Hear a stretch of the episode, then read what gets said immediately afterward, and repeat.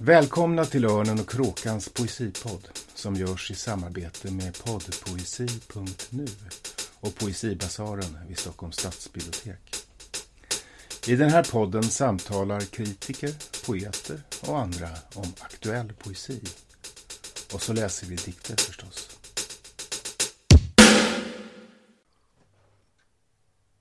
Välkomna till Poesibasaren Örnen och Kråkans poesipodd. Eh, det är idag den 19 september när vi spelar in det här. Jag heter Magnus William Olsson och vid min sida har jag som så ofta här Elias Hillström som är bibliotekarie, författare, förläggare eh, med mera. Hej Elias! Hej Magnus! Ja, nu sitter vi här igen. Ja, kul att du är här igen och kul att jag får vara med igen. Ja, precis. Och idag ska vi prata om eh, och botanisera bland nyutkommen poesi i översättning. Det är ju en enormt viktig del av poesiutgivningen, eh, den här översatta poesin. En poesi som kan man säga syresätter den svenska poesin och det svenska språket, poetiska språket. Eh, för även om många svenskar läser poesi på andra språk så är det först när den översätts till svenska av en konstförfaren översättare som den får verkligt genomslag i det svenska språket och den svenska poesin. Det är intressant att tänka på. Det finns massor med exempel på utländska poeter som har haft avgörande betydelse för svensk poesi. Eh, ta, ta, en poet som Goethe till exempel, eller klassiker, Horatius som vi har talat om förut här i podden, eller, eller Sappho förstås. Eh, eller ta de franska eh, surrealisterna som vi ska återkomma lite till under den här podden. Eller T.S. Eliot för den modernistiska svenska poesin. Det är otänkbart att tänka sig egentligen de modernistiska svenska klassikerna utan inflödet, översättningarna av den här litteraturen. Paul Celan för, för 80 och 90-talets svenska poesi. Eller idag Frank Kohara som vi ska återkomma till också. Eller Inger Christensen eller Anne Carson och deras poesi. Vad den faktiskt, hur den synligt manifesterar sig i den svenska, svenska eh, poesin. Men eh, att ge ut eh, översatt poesi är ganska komplicerat och eh, arbetskrävande. Man ska välja förstås vilka som är poeter som ska översättas i främmande, från främmande litteraturer. Man ska ha koll på det och så. Och man ska hitta en översättare som ska göra jobbet bra. Man ska granska översättningen och sen ska man då lyckas sprida och sälja de här böckerna. Så att det är ett stort arbete förknippat med översatt litteratur. Och det man kan säga eh, idag, det är att eh, den här litteraturen flyttar, har flyttat i stort sett från de stora förlagen. Det har blivit för dyrt för dem, tycker de, i stort sett, till mindre förlag. Men ändå ges det ut mycket poesi. Vad var det du hade räknat till? Eh, ja, just det. Jag tog fram en liten lista ur bibliotekskatalogen och så. Det här var någon vecka sedan eller så. Och eh, då fick jag fram 27 böcker till och från. Så mellan 25 och 30 böcker som har kommit hittills i år översatt poesi. Sen är det mycket som kommer typ just nu som mm. släpps på, mm. på bokmässan. Så att, eh, Jag tror att, att nationalbibliografin säger att Förra året så gavs det ut 43 titlar översatt poesi. Och det är ju ganska mycket. Så det borde kunna bli ungefär lika många i år då tänker ja. man. Det kommer kanske 20, 20 till eller 15 till eller något. Och det brukar ligga på det kring, kring 45, 50, mellan 45 och 55 titlar per år ungefär. Det är både mycket och lite. Ja. Det är ju en liten droppe av all poesi som finns ute i världen, men det är ju mycket att, att läsa. Precis, och den har som sagt var ofta stort eh, inflytande på, på den svenska diktningen. Eh, men de stora förlagen har som sagt var i stort sett släppt poesin. Eh, och det är några lite mindre eller medelstora förlag som har tagit över ansvaret kan man väl säga. Och vi ska återkomma till de här, några av de förlagen, tre av dem faktiskt, i först och främst, nämligen Ellerströms, Tranan och Ramus och, och, och, prata om en hel del av deras titlar under det här programmet. Det är de som, som eh, har den övervägande delen. Sen finns det det lilla andra Skåneförlaget Smockadoll som också ger ut flera titlar. Ja. Sen är det flesta Och Modernista. små. Ja, men de ger Mm. Lite mindre. Mm. Mindre antal Mm. hit, hittills i år i alla fall. Men Mm. Modernista ger ut en del också. Mm. Mm. Men, vi ska, men den första boken är rolig att få prata om därför att den är faktiskt utgiven av ett stort förlag, nämligen Natur och kultur. Och det är ännu mer häpnadsväckande eftersom ryktet har gått under flera år att Natur och kultur har tagit ett principbeslut att de inte ska ge ut poesi. Vilket ju har skakat den poesikommuniteten. Eh, tanken att ett stort förlag som, som Natur och kultur helt enkelt skulle välja bort en och kanske den viktigaste litterära genren är ju bisarr. Men det där kanske ryktet verkar ha kommit på skam nu och jag hoppas att de ska ge ut mycket mer för att de har i år gett ut ett praktverk, ett fantastisk bok som du har med dig Elias. Vad är det?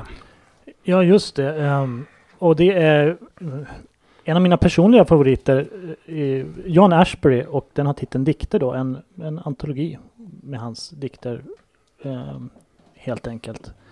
Och John Ja. Ashbery, vem, vem, vem?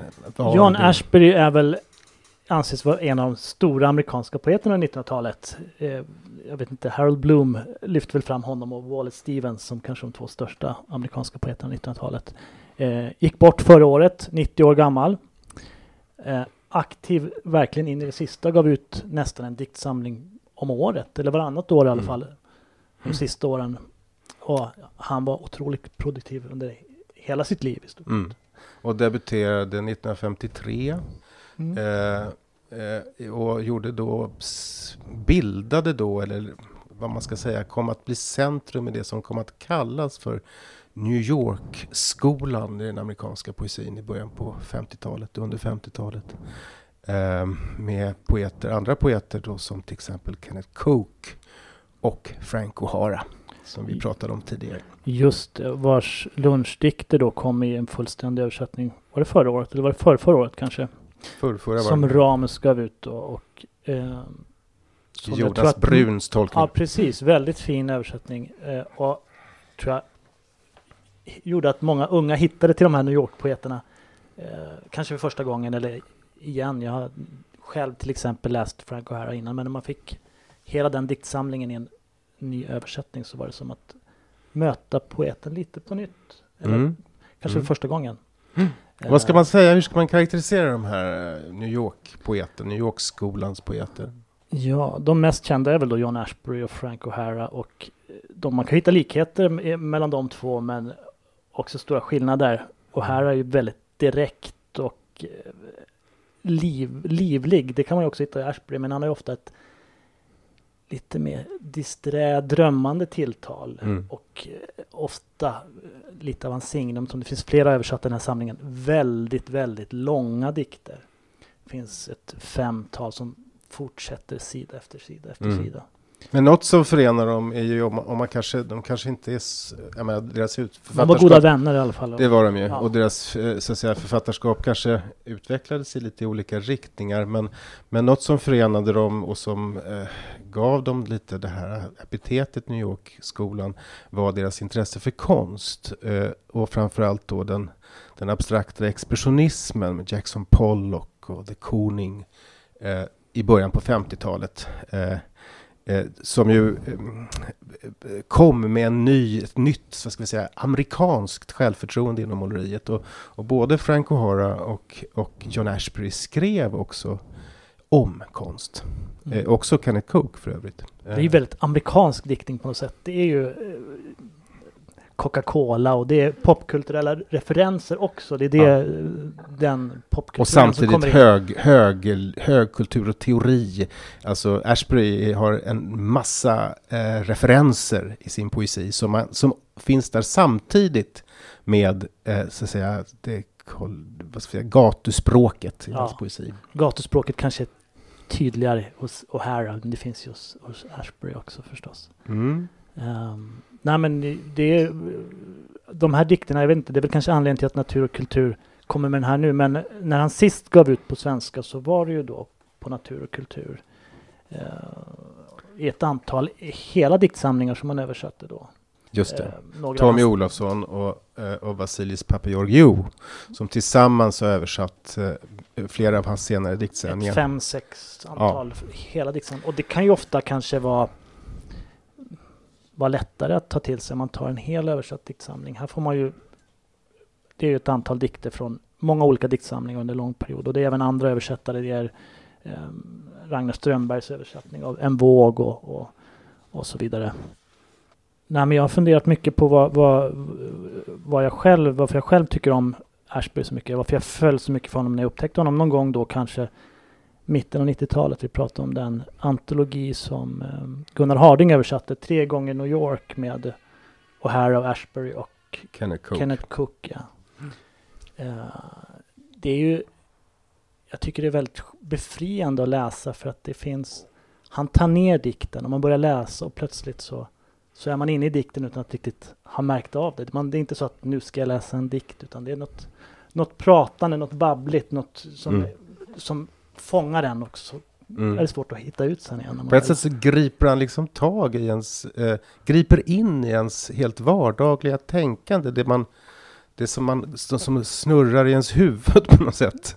Eh, det är som om hans dikter bara liksom eh, dockar in i ens medvetande på ett sätt som är intressant. Wow. Men han är också eh, extremt... Eh, man kan läsa honom på många olika nivåer ja. såklart. Men man kan också känna när man har läst Ashby att många andra poeter känns så onödigt asketiska. Onödigt, mm. han, han har ju något väldigt, han bara släpper lös. Så känns det i alla fall när man läser det, även om det finns hur han nu sen skriver, det kan man ju, mm. kan man ju diskutera och fundera över. Men eh, det känns väldigt, mm, ja, det är som, det kan vara som en liten befrielse att läsa om mm. när man har läst poeter som, som gnuggar på minsta lilla, lilla, lilla stavelse och publicerar sig kort, kort, kort. Att mm. ge sig in i de här långa mm. dikterna som bara fortsätter och fortsätter. Mm. Och där man aldrig, det är verkligen eh, som någon recensent skrev om den här, att det, det var nog när han gick bort här, att han gjorde han gjorde livet till ett äventyr, läsningen till ett mm. äventyr. Och så är det verkligen när man läser honom. Man, man mm. vill hela tiden fortsätta för man vet aldrig riktigt vad ska man mötas av härnäst. Det är... Och han har, jag brukar ta ett exempel som är, jag tror att det är mitt, eh, jag tror att det är den bästa öppning på ett litterärt verk som jag överhuvudtaget, den bästa inledningsrad som jag känner till. Många, många brukar ju eh, hänvisa till Melvilles eh, Kalla mig Ismael som en superöppning. Men, men Ashburys To pass through pain and not know it. Som är upp, eh, första raden till, till A Wave. Jag ska läsa bara, tänkte jag, första två stroferna av A Wave som är en långdikt här då i, i Ragnar Strömbergs tolkning. En våg heter den nog följaktligen. Och kom ihåg den där To pass through pain and not know it. Så här översatte eh, Strömberg. Att färdas genom smärtan och inte veta det. En bildörr slår igen i natten. Att växa fram mot en osynlig terräng. Så lyckan att sjunga ut en aning för sent kom att dyrkas i olika skepnader. En stum skådespelare. Ett framtida helgon berusat av martyriets idé. Och vårt landskap blev vad det är idag. Delvis ur fokus. En del av det för nära mellanplanet en tillflykt av frid och onåbart. Med alla sorters trevliga människor och växter som vaknar och sträcker på sig, påkallar uppmärksamheten med varje konstgrepp den mänskliga genren är förmögen till. Och de kallade det vårt hem. Den där öppningen, jag och varför jag tycker att den där raden är så otroligt bra. Eh, och det illustrerar kanske det du sa Elias, alltså typ, eh, att färdas genom smärtan och inte veta det. Dels har vi den här infinitiva öppningen, to pass through pain, va? and not know it.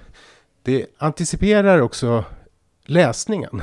Eh, det, det säger någonting om vad vi ska vara med om. att färdas genom smärtan och inte veta det. Det är ju en absurd utsaga inför en läsning av någonting. Eh, det vi står inför. Eh, det vi genast börjar göra då är förstås, vad är det vi inte vet? Man börjar genast söka efter det man inte vet. Och samtidigt är det förstås en initiation, det är en, en direkt allusion skulle jag säga på Dantes. Och det här är typiskt Ashbury. Han har väldigt ofta den typen av, av allusioner. Det är, en, det, är en, det är en allusion på Dantes inträde i dödsriket. Eh, den där, eh, och så är det då den här väldigt vardagliga, en bildörr slår igen i natten. Och så hör man ljudet. Det är, det är fullständigt genialt. Och väldigt vardagligt och, och samtidigt poetiskt extremt uppmärksamhetsintensivt, uppmärksamhetshöjande. Ja. Han vänder ju och vrider på, på utsagor och eh, vad ska man säga, klichéer och så. Förvirrar en och får en nyfiken och får en att vilja fortsätta läsa. Ja, då ska vi säga mer om Ashbury. Det, det är intressant att se eh, i det här perspektivet på hur han har, vad han har betytt för, för svensk eh, poesi han är ju förstås, de här översättningarna som kom, det kom redan i slutet på, i början på 70-talet. Reidar Ekner gav ut en antologi där Ashbury var med 72 tror jag. Men den första stora översättningen som kom var 1983 när Göran Prins Paulsson översatte en bok som heter Självporträtt i en konvex spegel. Och den där äh, dik, titeldikten är just en typiskt Ashburys beskrivning av en målning egentligen, av ett, en, en äh, renässansmålning. Mm. Eller barockmålning. Just det. Eh, men den, den boken betydde enormt mycket för många poeter på, eh, på 80 och 90-talet. Jag minns själv när jag läste den, jag var 23. Eh, och det var, det var liksom en hel pang, det bara hände någonting. Ja. Helt enkelt. Det som är intressant när du, när du gick igenom här i början, olika poeter, att Franco, hur kan han vara, vara influerad poeten nu? Det är ju 60-70 år sedan han skrev den här diktsamlingen. Och samma när man lär sig Ashbury, man, ju, man glömmer ju bort att han, det här är en 85-årig gubbe som har skrivit de här, för det finns något så otroligt, eh, det känns, det, man glömmer bort det när man läser det. Det ja. Inte, ja, att det är en poet som har skrivit i fem, 50 år eller vad han håller på. Mm. Hur kan det kännas fortfarande spännande. Det är jag som kanske ligger lite efter. Eller folk, det, det, kan man ju börja fundera över. Ja, det kan man verkligen. Eh, det, är, vad är det som gör att de här poeterna, ja. kanske framförallt O'Hara då, som vi sa tidigare, att de Ja, det kan man ju se. Man kan, och här är det tydligt tycker jag att man kan se att det slår an till en typ av eh, vardaglighet som finns, som bakvägen har kommit via internet och allt litteraturen. En slags, eh, som ju finns i den samtida unga poesin, eh, som, som hos Anna Axfors till exempel, eller så. Eller, mm. eller Elsby Rå, alltså den här, en slags lite slängig ja. rörelse mellan det höglitterära och det väldigt vardagliga. Det finns ju också i, i, hos en del. Är det något som har saknats i svenska poesin? Ja. Jag vet inte. Mm. Uh, vad du skulle säga om det mm, finns. Mm, det kan, Vilka influerades att... av O'Hara och Ashbury 80-talets? Ja, det var ju andra. Jag minns, jag intervjuade Anders Olsson till exempel ja. någon gång på 85 eller något sånt där. Eh, när han hade precis, alltså poeten och akademiledamoten hade precis eh, disputerat. Och han hade också gett ut sin första diktsamling. Eh, och då frågade jag honom eh, vilken, va, vilken poet är det som, och han sa direkt att det var John Ashbery.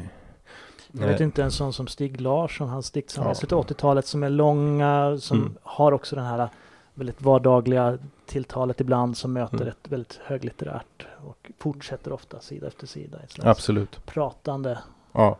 Ja, men det är utan tvekan så. Det var, jag tror att det, och det ska bli roligt att se om, om den här boken, eh, som vi pratar om, dikter, den här fina samlingen från natur och kultur, om den kommer att haka i eh, det där Frank O'Hara-intresset hos unga poeter. Eh, som de redan uppenbarligen har. Om de också kommer att upptäcka Ashbury på det här sättet. Det, det, det blir intressant. Den kommer verkligen lägligt. Eller? Det känns som att ja, vi hoppas det. Ja, det är en fin, ja. fin, fin utgåva, fin samling. Man kan ju fortsätta prata länge om det. Det finns ju många diktare, när man läser igenom så hittar jag en del där, man, där han pratar själv om sin diktning. Jag vet inte om vi ska... Mm, läs äh, om du vill. Det finns en, en dikt som jag inte hade läst förut som finns i den som heter Husbåtsdagar. Eh, och den heter Och ut pictura poesis är hennes namn. Heter den dik dikten. Och där pratar han lite grann om, om, om att skriva dikt. Den börjar så här kan jag ju då läsa. Det går inte att säga det på det sättet mer. När man bekymrar sig om skönhet måste man komma ut i fria luften, i en glänta och vila sig. Nu är det så att allt egendomligt som du upplever är okej. Okay. Att begära mer än detta går knappast an för dig, med alla dina älskare, folk som ser upp till dig, är villig att göra något för dig. Under det att du tänker i ditt stilla sinne, det är fel, att om de verkligen visste. Och så fortsätter den. Och han kommer in där sen på, i den, just den här dikten. Um, vidare vad beträffar vad, vad du vill inlämna, inlämna i din diktmålning. Blommor gör alltid susen, i synnerhet riddarsporrar. Namn på pojkar du känt och deras kälkar. Fyrverkeripjäser är toppen, finns de fortfarande? Det finns massor av andra saker av samma sort som de jag nämnde. Nu gäller det att hitta några få viktiga ord och en massa som låter lågmälda och ointressanta. Ja. Det säger ganska mycket om... Om, om hur, han, hur han låter. Ja, Jan både hur han låter och kanske någonting om han. Om hans sätt att, att tänka poesi. Ja. Ja. ja, men verkligen. Det, det kan man nog. Ja. Och det är också en eh, på många sätt bildrik poesi. Eh, inte alls den här metaforiska bildrikedomen utan just att han beskriver scener snarare än en slags deskriptiv eh, bild, bildlighet. Ja, John Ashbery och hans inflytande är ju stort. Vi ska prata lite om en annan poet som haft stort inflytande på olika sätt. Som ges ut av förlaget Ellerströms. Och Ellerströms är det kanske allra viktigaste bokförlaget för översatt poesi i, Sver i Sverige. En stridström av böcker rinner ut från deras eh, redaktionslokaler i Lund. På sajten Örnen och Kråkan, som ju publicerar en recension varje onsdag, så har vi redan skrivit om två av deras böcker, nämligen Samuel Taylor Coleridge, balladen om den gamla sjömannen i Axel Englunds översättning och den jiddischspråkiga modernisten Anna Margolins Detta är natten som översatts av Beila Engelhardt Titelman. Och så ger de ut det som kallas för den lilla serien, en serie med små böcker, billiga. Eh, och där har de gett ut eh, eh två titlar.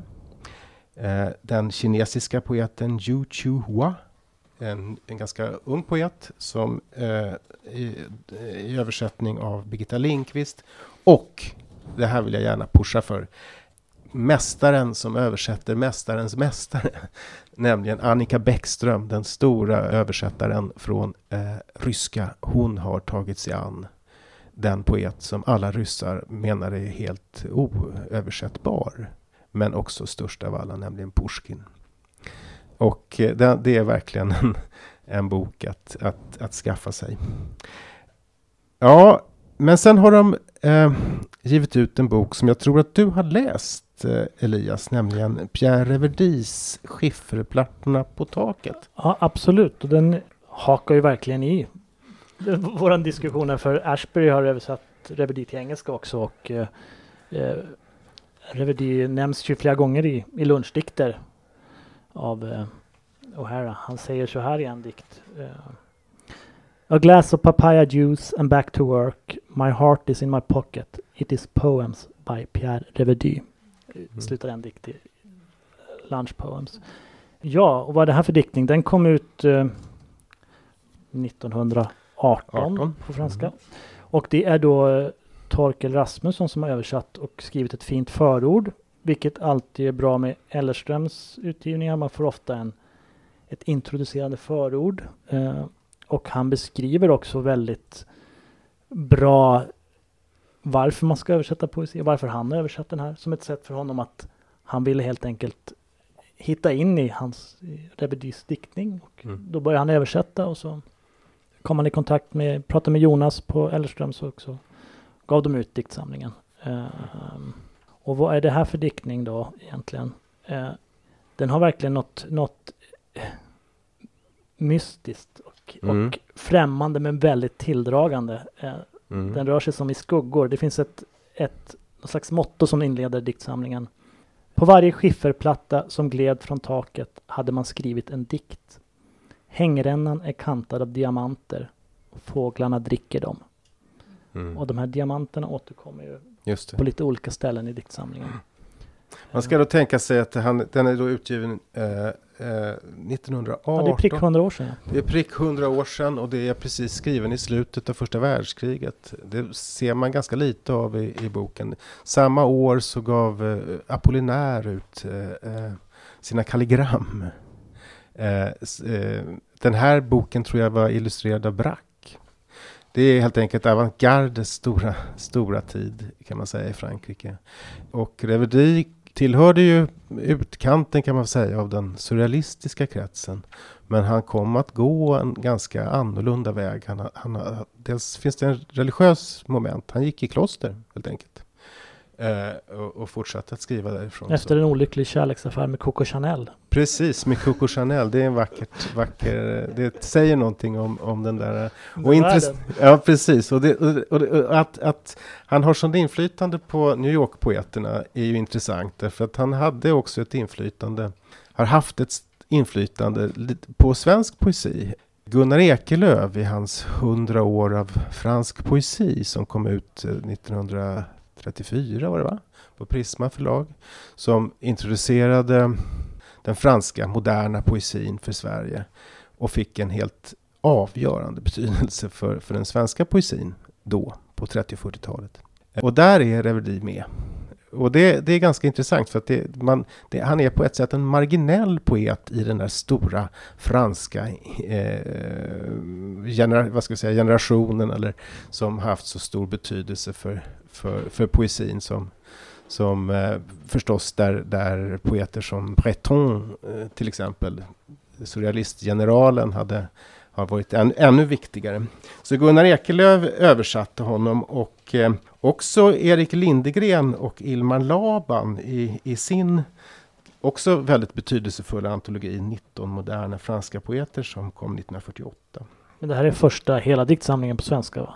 Precis, det är, eh, det är ju intressant. Bättre sent än aldrig. Ja, eh, och det är spännande då att man kan se hur risomatiskt liksom den översatt, den utländska poesin verkar i, i den svenska. Man kan se hur den då hade betydelse för poeterna på 30-40-talet i Sverige och via kanske Frank O'Hara på 2010-talets poeter. Mm. Så, så, och det visar lite grann hur den här eh, hur, lite, poe, poesins litteraturhistoria i ett land som Sverige blir till och skapas. Jag tycker inte att det är omöjligt att tänka sig att den här diktsamlingen kommer att hitta några läsare som kommer bli väldigt influerade av den. Och när de ja. skriver sina egna dikter och att den här hundra år efteråt kommer att ha inverkan på någon som släpper en diktsamling om två, tre år. Ja, det, det tror jag man... inte alls är omöjligt. Nej, det tror inte jag heller. För det finns en, en väldig kraft i de här dikterna, tycker jag. Ja. Ja, eh, bokförlaget Tranan för att ta upp nästa förlag eh, som också är viktigt för översatt poesi och översatt litteratur på det hela taget förstås. Eh, de ger ut, kanske i synnerhet eh, utomeuropeisk litteratur i översättning och är ju på det viset enormt viktiga. Men de ger ut en, poesi, en, en hel del poesi också. Bland annat så har de ju sitt stora eh, Borges-utgåva på gång. De har kommit, alla, eh, inte alla, men en stort urval av Borges eh, eh, alla böcker kommer ut för första gången på svenska samlat. Det är Oskar Hemer och Lasse Söderberg som är redaktörer för den. Och första delen har kommit ut och den går fram till 36 tror jag när Borges eh, ger ut Fictiones den berättelsesamlingen som kanske är hans mest berömda. Och nästa del som lär komma i år, men kanske i början på nästa år, den, den del två av Borges-utgivningen, den kommer då att sträcka sig, tror jag, till 60-talet, 70-talet till och med. Kanske, och där kommer då Borges stora eh, diktsamlingar också vara med. Så det, det är en utgivning som man absolut vill vill peta peka på, som jag gärna vill pusha för. Men Trana har, har, i år också gett ut ett par italienska diktsamlingar i vad som ser ut nästan att bli en liten serie. En, två utgåvor som, nu visar Elias dem för publiken. Det är ett ganska lika uniforma, inte uniforma, men likartad formgivning med förord av eh, John Svedemark båda två. Och den första eh, poeten har översatts av Andreas Sanessi och eh, heter Luciano Erba. Eh, och det är en av de verkligt stora efterkrigs, efterkrigspoeterna. I paritet med Andreas Ansotto kanske till exempel. Som, som Tranan också gav ut för några år sedan. Vad, har, du, vad, har du hunnit titta på, på de här två diktserierna? Den andra är då skriven av Guido Oldani som jag inte kände till från förut. Nej, jo jag har läst de här och försökt titta in i dem och, och lyckas väl sådär. Jag, jag tycker att det, det är ju, hur ofta översätts det italienska poeter till svenska? Det är inte så jätteofta. Nej. Och de här är också i tvåspråkiga och det är ju roligt. Ja, jag tänkte jag skulle läsa en liten dikt. För, eh, om vi börjar med Luciano Erba från, som mm. visar det. Mycket italiensk poesi i efterkrigstiden, verkligen inte allt. Eh, men mycket eh, har ju det finns helt enkelt, vad ska jag säga så här, det finns en stark tradition av form, formellt intresserad poesi i, i Italien. Alltså poeter som jobbar med, med de eh, specifika poetiska verkningsmedlen, rytmen, meten och rimmen inte minst. Och eh, Luciano Erba är, har, har eh, ofta en väldigt komplex ljudstruktur i sina dikter. Nu, nu kan jag inte läsa italienska utan att det låter som spanska, så jag ska inte försöka med det. Men jag kan läsa översättningen av den här korta dikten, så, som ändå lite grann reflekterar det här. Poesi. Du är som en ekorre. Du ligger i ide flera månader. När du vaknar hoppar du mitt i grönskan. Jag hinner knappt se din yviga svans innan den försvinner in i granarna. En kort dikt som eh, ju beskriver en eh, metapoetisk dikt men också beskriver en slags eh, eh ögonblicklighet och eh, där i, eh, i en starkt begränsad poetisk form. kan Man säga. Man kan säga att det kanske ansluter lite grann till eh, Eugenio Montales sena diktning. Också den kort och, och precis i sina poetiska verkningsmedel. Det är ögonblicksbilder, ofta så är, det finns en slags realism i de här dikterna. Det är fotbollsmatcher och det är spårvagnar och det är... Eh, eh, det här det är i alla fall en, en, eh, en, ehm, en utgivning som är spännande och intressant. Det, det ger ju verkligen en möjlighet att träda in i den italienska poesin. De gav som sagt var ut i Aslög Pontaras översättning eh, Andreas Sansotto, den, som är en av de verkligt stora efterkrigspoeterna för ett par år sedan. Eh, så att Tranan håller på med någonting där vad det gäller italiensk modern klassisk poesi kan man väl säga. De har också gett ut en eh, belgare eh, som heter Leonard Nolens. En född 47. Eh, också den i översättning av Lasse Söderberg för övrigt.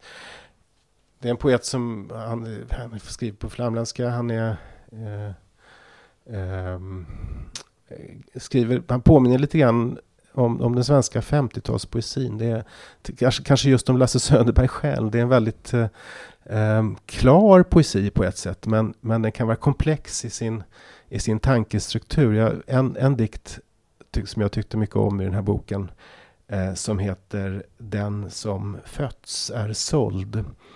En, en dikt börjar så här. Jag tycker att det var en ganska tänkvärd öppning.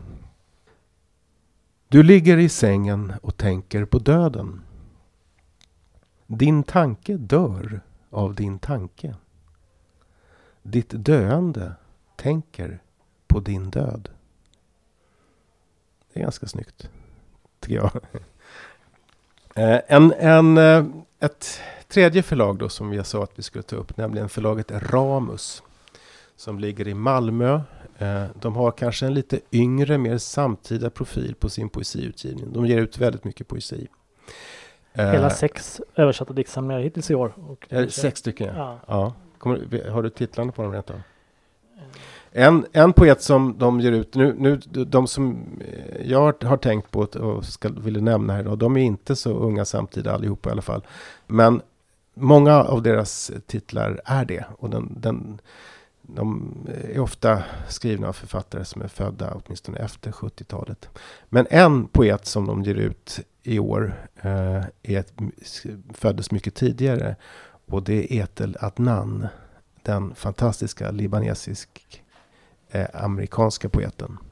Men de ger inte ut hennes poesi, utan de ger ut en prosa, prosasamling. Det har kommit en samling på Smockadoll med Adnans, tror jag. Just det, det var det. Som jag inte har hunnit se ännu. Precis, den har jag inte hunnit titta på än. Eh, ja. Det. Det ser, man tittar på utgivningen så, du berättar så känns det nästan som att Ellerströms och Rames har tagit två olika Ellerströms, i alla fall det som har kommit hit så var det ju mycket lite klassiker, lite äldre och så. Moderna klassiker ja. kan man säga. Ja. Jag har läst en av de titlar som Rames har gett ut i år och det är en eh, poet som heter Mustafa Stito, en samling som heter Tempel och det är alltså um, poesi som är skriven på, på holländska. Säger man så? Eller nederländska. Ja. Uh, och uh, det, han är född 74 i Marocko. Och det känns som att det är verkligen det stora temat. Inte bara i samhällsdebatten utan också i den översatta poesin. Att det handlar om exilen och uh, att ha ett att vara holländare men att ha sina rötter i till exempel Marocko. Och, mm. eh, och det handlar ju mycket hans, hans dikter om. Eh, det är ett urval av eh, hans produktion som, som har översatts här. Jag tror att han har gett ut fem diktsamlingar. Just det.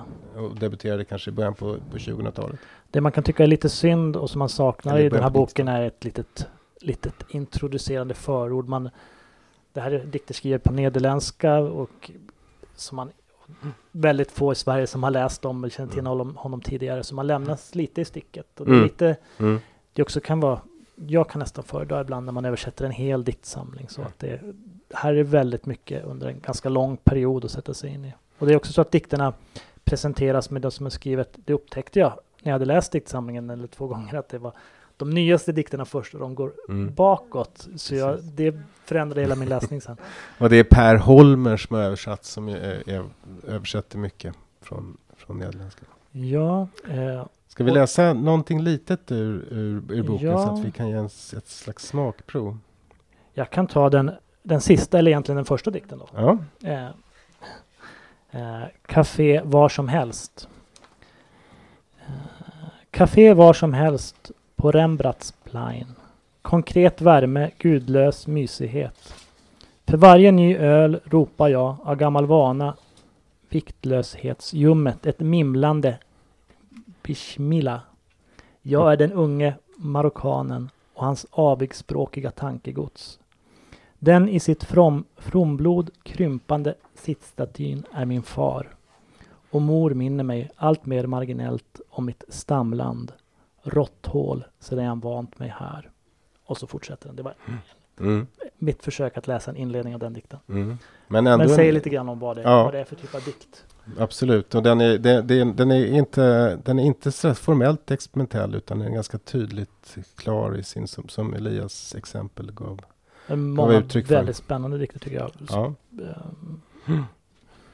Ja, en, en, en annan poet som jag tänkte att jag vill ta upp det är norskan eh, Ingvild Lote som eh, 2016 kom ut med en diktsamling. Hon är, började på Instagram, hon skriver fortfarande Instagram-poet eh, och hon tillhör den där rörelsen som jag nämnde förut, som jag kallar, i USA ibland kallas för alt-lit-rörelsen, den poesi som har litteratur som har sin grund, sin hemvist från början i, på internet.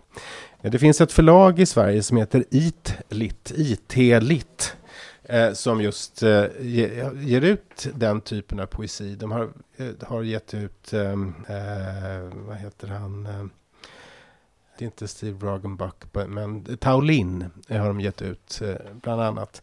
Men Ingvild Lote, och det, det, finns en del, en del sån poesi i Sverige också. Lite för några år sedan var det ett ganska stort intresse bland svenska poeter. Man brukar, jag nämnde förut Anna Axfors och, och Elis Byrå. Och, där, och där, det är, där finns det absolut en, en, en, en likhet. Eh, men jag tänkte jag skulle bara, den här boken tror jag har alla möjligheter att vilket förlag var det som hade gett ut den? Den heter Eat Lit. Okay. Eh, förlaget. Det är just, de, de liknar lite Instagram, ja, mycket annan Instagram-poesi. Det kan låta så här till exempel, trerading. Jag tar alldeles för få selfies. Är jag värdefull? Borde jag ta fler selfies? Eller? Jag är dagen efter-pillret och kvalmsöndagen. Planlös, framtidslös, hopplös. Har för lite liv i mig. Som en liten söt tumör i vänstra bröstet. Den här boken, när den kom, eh, den, i, i Norge så gjorde den som sagt var supersuccé. Den har sålt mer än, än, än det mesta. Och översättaren är, är Carl Lindsten. Vi får det- se om den, om den säljer också i Sverige. Var det dikter som publiceras på Instagram och sånt? Ja, hon har publicerat sig. Ja, en del av dem tror jag, men sen har hon gjort den här boken Mm. helt enkelt. Ja. Det Ja, finns förstås massor mer böcker och, som vi skulle kunna prata om. Vi hade, eh, som har kommit. KUN har det kommit en eh, ytterligare en diktsamling. Den här, det är väl delar av den diktsamling där han skriver en dikt om alla människor han träffar som heter Maninbo 10 000 fotspår har kommit Atlantis i år. Mm. Och så har vi kommit Basho Mm. i ett otroligt praktverk på, jag tror det är Karlsson förlag, Lars Vargö som har översatt. Jag vet inte om det är alla, alla haiku-dikter, men väldigt många och skrivit kommentarer och Mm. Det är nästan så att den får vi ta upp i en, en, egen, i en egen podd. Eh, tänker jag. Ja. Eh, eh, just det. Jo, översatt poesi kan man ju inte tänka sig utan översättarna. Och översättningens konst är ju särskilt odlad med poesin som utgångspunkt. Häromdagen så, så läste jag en, en understreckare av Nils Håkansson som är översättare och forskningsredaktör på Svenskt översättarlexikon som gav i handen eller som hävdade att översättningskonsten aldrig har stått så högt som den gör just nu i Sverige. Och ett av skälen till det är att översättarna har börjat organisera sig. Eh, både eh, sådär, vad ska vi säga, fackligt men också akademiskt och på andra sätt. Eh, det finns ju numera en översättare, litterär översättarutbildning i, på, på Akademi Valand i Göteborg. Översättningsteori har blivit ett, en disciplin på universiteten som många sysslar med.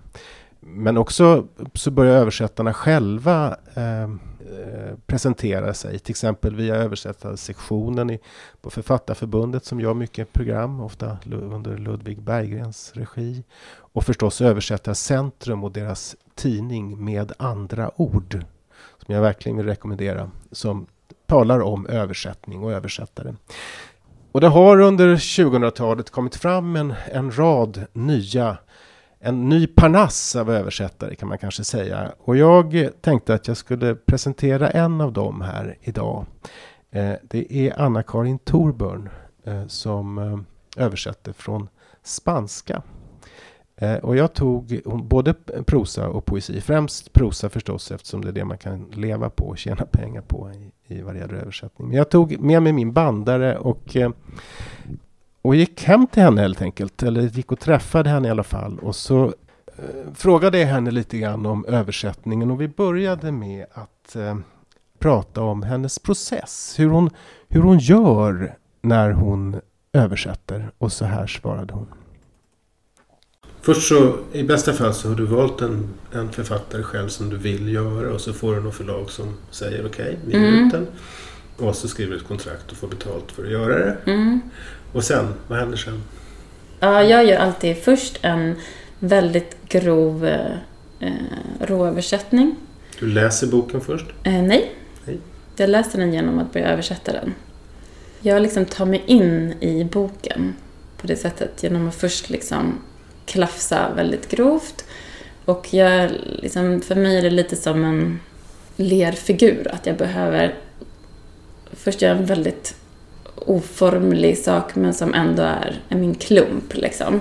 Jag behöver få en egen klump att jobba med och då, och då får jag bara över till svenska och det kan vara liksom meningar som är grammatiskt inkorrekta eh, och så vidare. Men, men det liksom är eh, på något sätt, det är ändå svenska. Jag får över till svenska.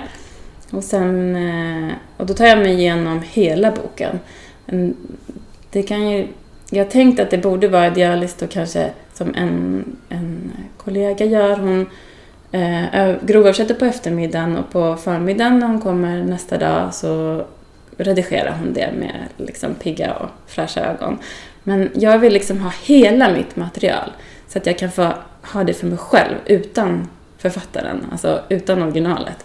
Så att när jag väl har, jag gör liksom från första till sista sidan en grov översättning och sen sätter jag mig och gör en första genomgång då jag liksom får det till, eh, till fungerande meningar och sen gör jag en tredje genomgång där jag liksom mer jobbar med det litterära och liksom tonen och, och sitter mera och verkligen lyssnar på varje ord och gör det, får göra det långsamt.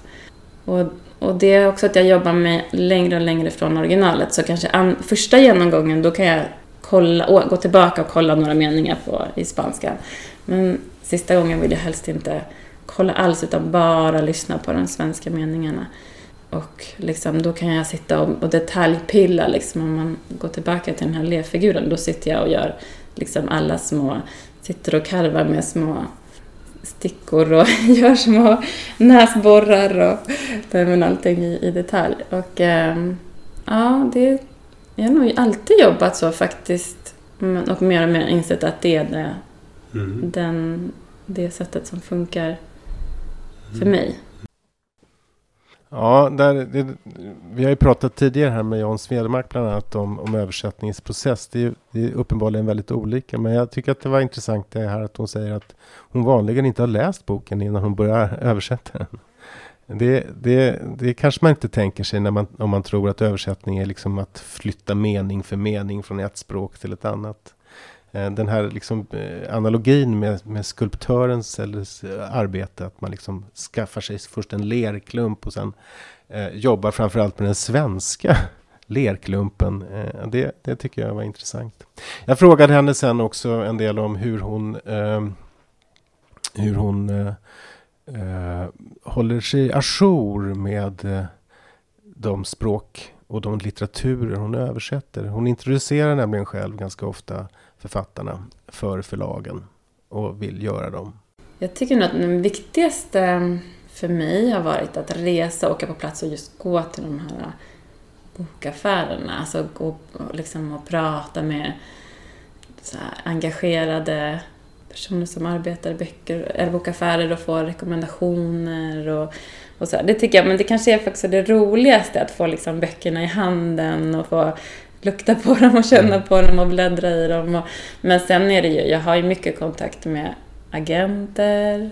som eh, mm. jag liksom träffar på mässor när det finns chans och sådär men också bara håller mejlkontakt och får lite tips av och sen är jag själv eh, Läser du litteratursupplement? Läser du tidskrifter? Eh, nej, inte så mycket faktiskt. Jag skulle... Om jag hade tid så hade jag gärna velat läsa mer. Mm.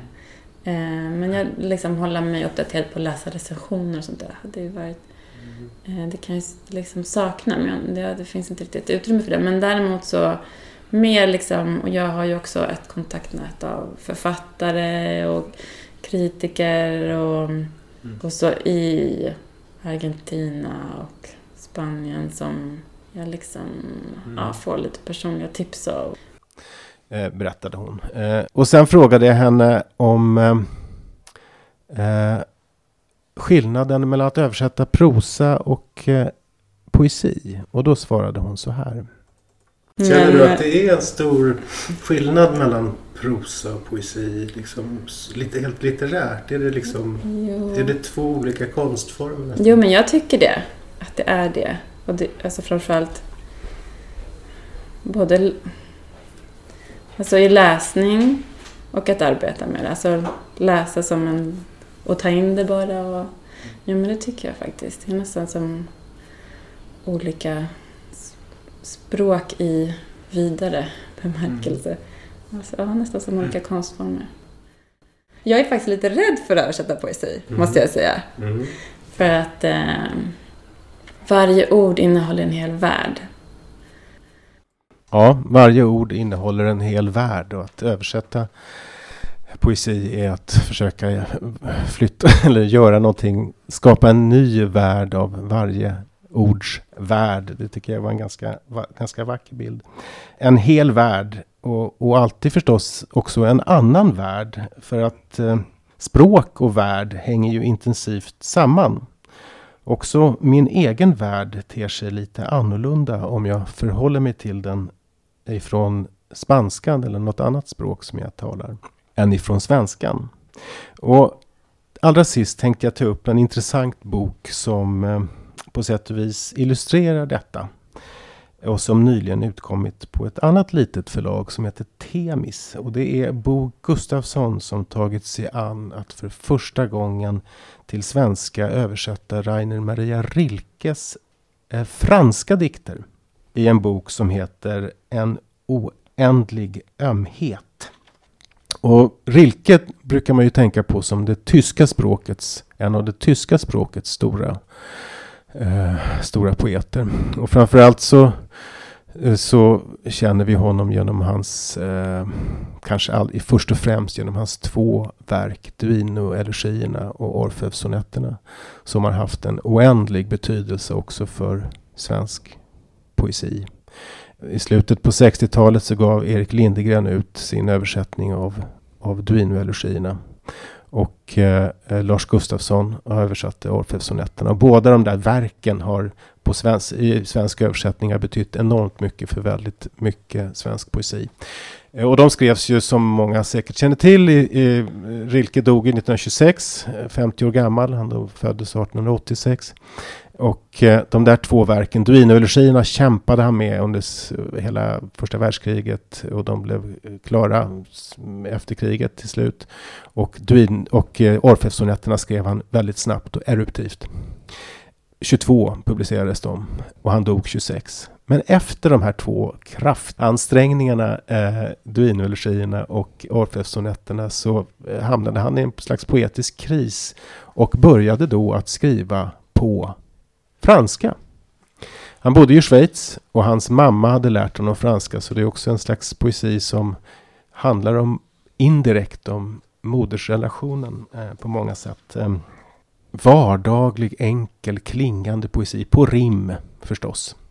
Eh, och eh, Bo Gustafsson har försökt eh, göra motsvarigheter till svenska på de här dikterna. Jag tänkte läsa en, en dikt, Rilke-dikt skriven bara de sista åren av hans liv. Den lyder så här. Bli inte rädd om ängeln plötsligt sitter vid ditt bord och sakta stryker ut vecken på duken under ditt bröd. Bjud honom börja äta av din enkla mat och till sin rena mun höja ett glas vin från traktens fat.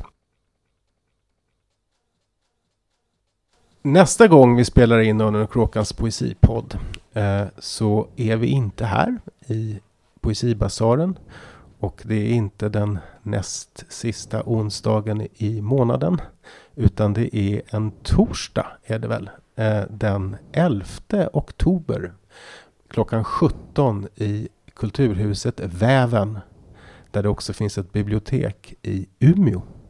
Då spelar vi in nästa avsnitt av Örnen och kråkan, alltså i Umeå på väven den 11 oktober mellan 17 och 18. Då ska vi tala om ämnet poesin och det lokala. På vilket sätt förhåller sig poesin egentligen till det lokala i vår tid av eh, global rörlighet eh, och teknisk förflyttning över jordens alla hörn i i den postdigitala, postdigitala, globala tillvaron? Finns det fortfarande en relation mellan platsen och poesin? Det ska vi tala om då. Men idag, tack för oss. Tack Elias och tack, tack Magnus. publiken. Tack publiken. Eh, tack.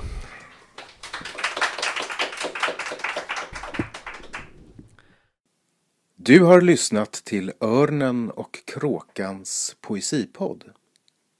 Läs mycket mer om aktuell poesi på ornenochkrakan.se